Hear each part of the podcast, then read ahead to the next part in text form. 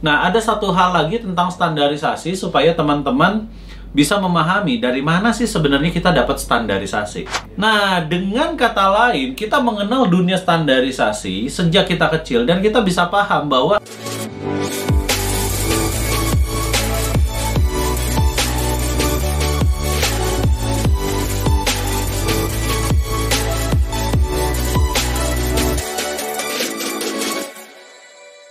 Halo para parents, apa kabar? Di video sebelumnya saya sudah berbicara tentang standarisasi ya. Standarisasi yang kita terapkan Teman-teman bagusnya punya buku Buku untuk standarisasi. Jadi teman-teman bisa mereview, merefleksikan, mencerminkan dirimu Supaya nggak lagi yang namanya ada perlawanan dari anak terhadap diri kita.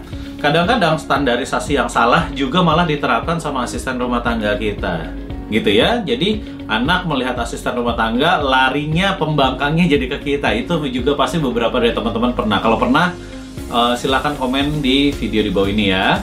Nah, ada satu hal lagi tentang standarisasi supaya teman-teman bisa memahami dari mana sih sebenarnya kita dapat standarisasi, ya. Standarisasi dalam keluarga tentu aja. Nah, ini adalah satu hal yang teman-teman saya akan kembali ke buku, buku standarisasimu jadi pastikan teman-teman sudah punya buku standarisasinya ya. Nah, di buku standarisasi itu sudah dipastikan kita pertama kali dapat standar keluarga dari mana?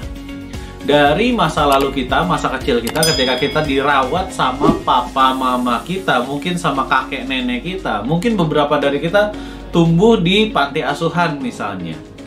Nah, ada standarisasi yang terbawa terlihat sejak waktu kita masih kecil Nah, dengan kata lain, kita mengenal dunia standarisasi sejak kita kecil dan kita bisa paham bahwa ini standarisasi nyaman nggak buat saya, asik nggak buat saya, gitu ya. Seiring perkembangan kedewasaan, kebijaksanaan, dan kematangan diri kita, ada beberapa standarisasi yang dulu, oh iya dulu bagus ya diginiin ya.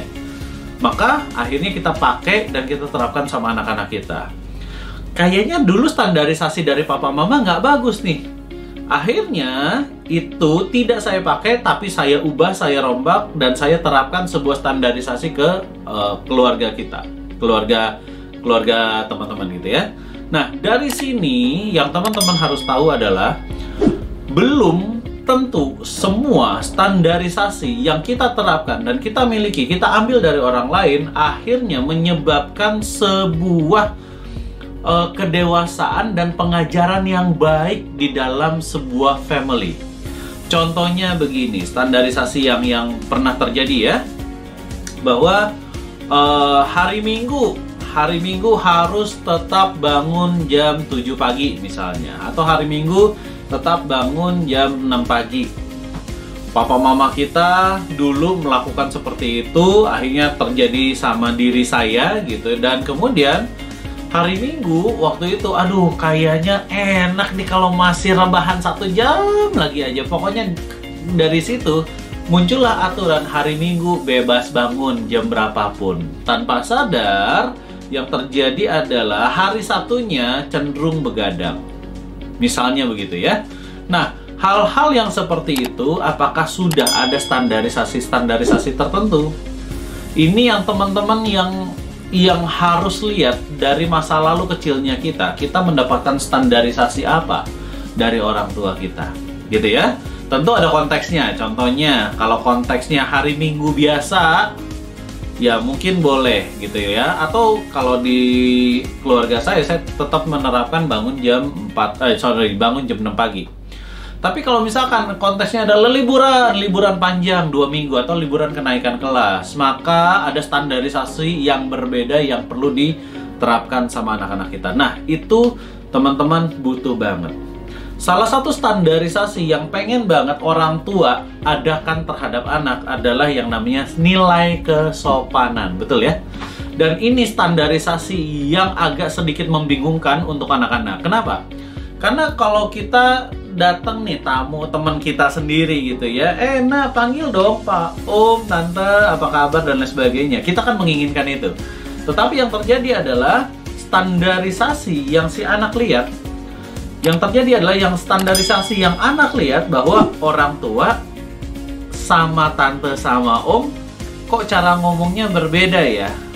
Nah Di area tertentu, anak-anak akan belajar tentang standarisasi dan mulai mengkontekskan di dalam pikirannya untuk dapetin standarisasi yang berbeda. Karena jelas sebagai anak, Om apa kabar? Om selamat pagi, Om selamat siang, Om saya makan dulu ya, Om saya istirahat dulu ya, Om saya belajar dulu ya.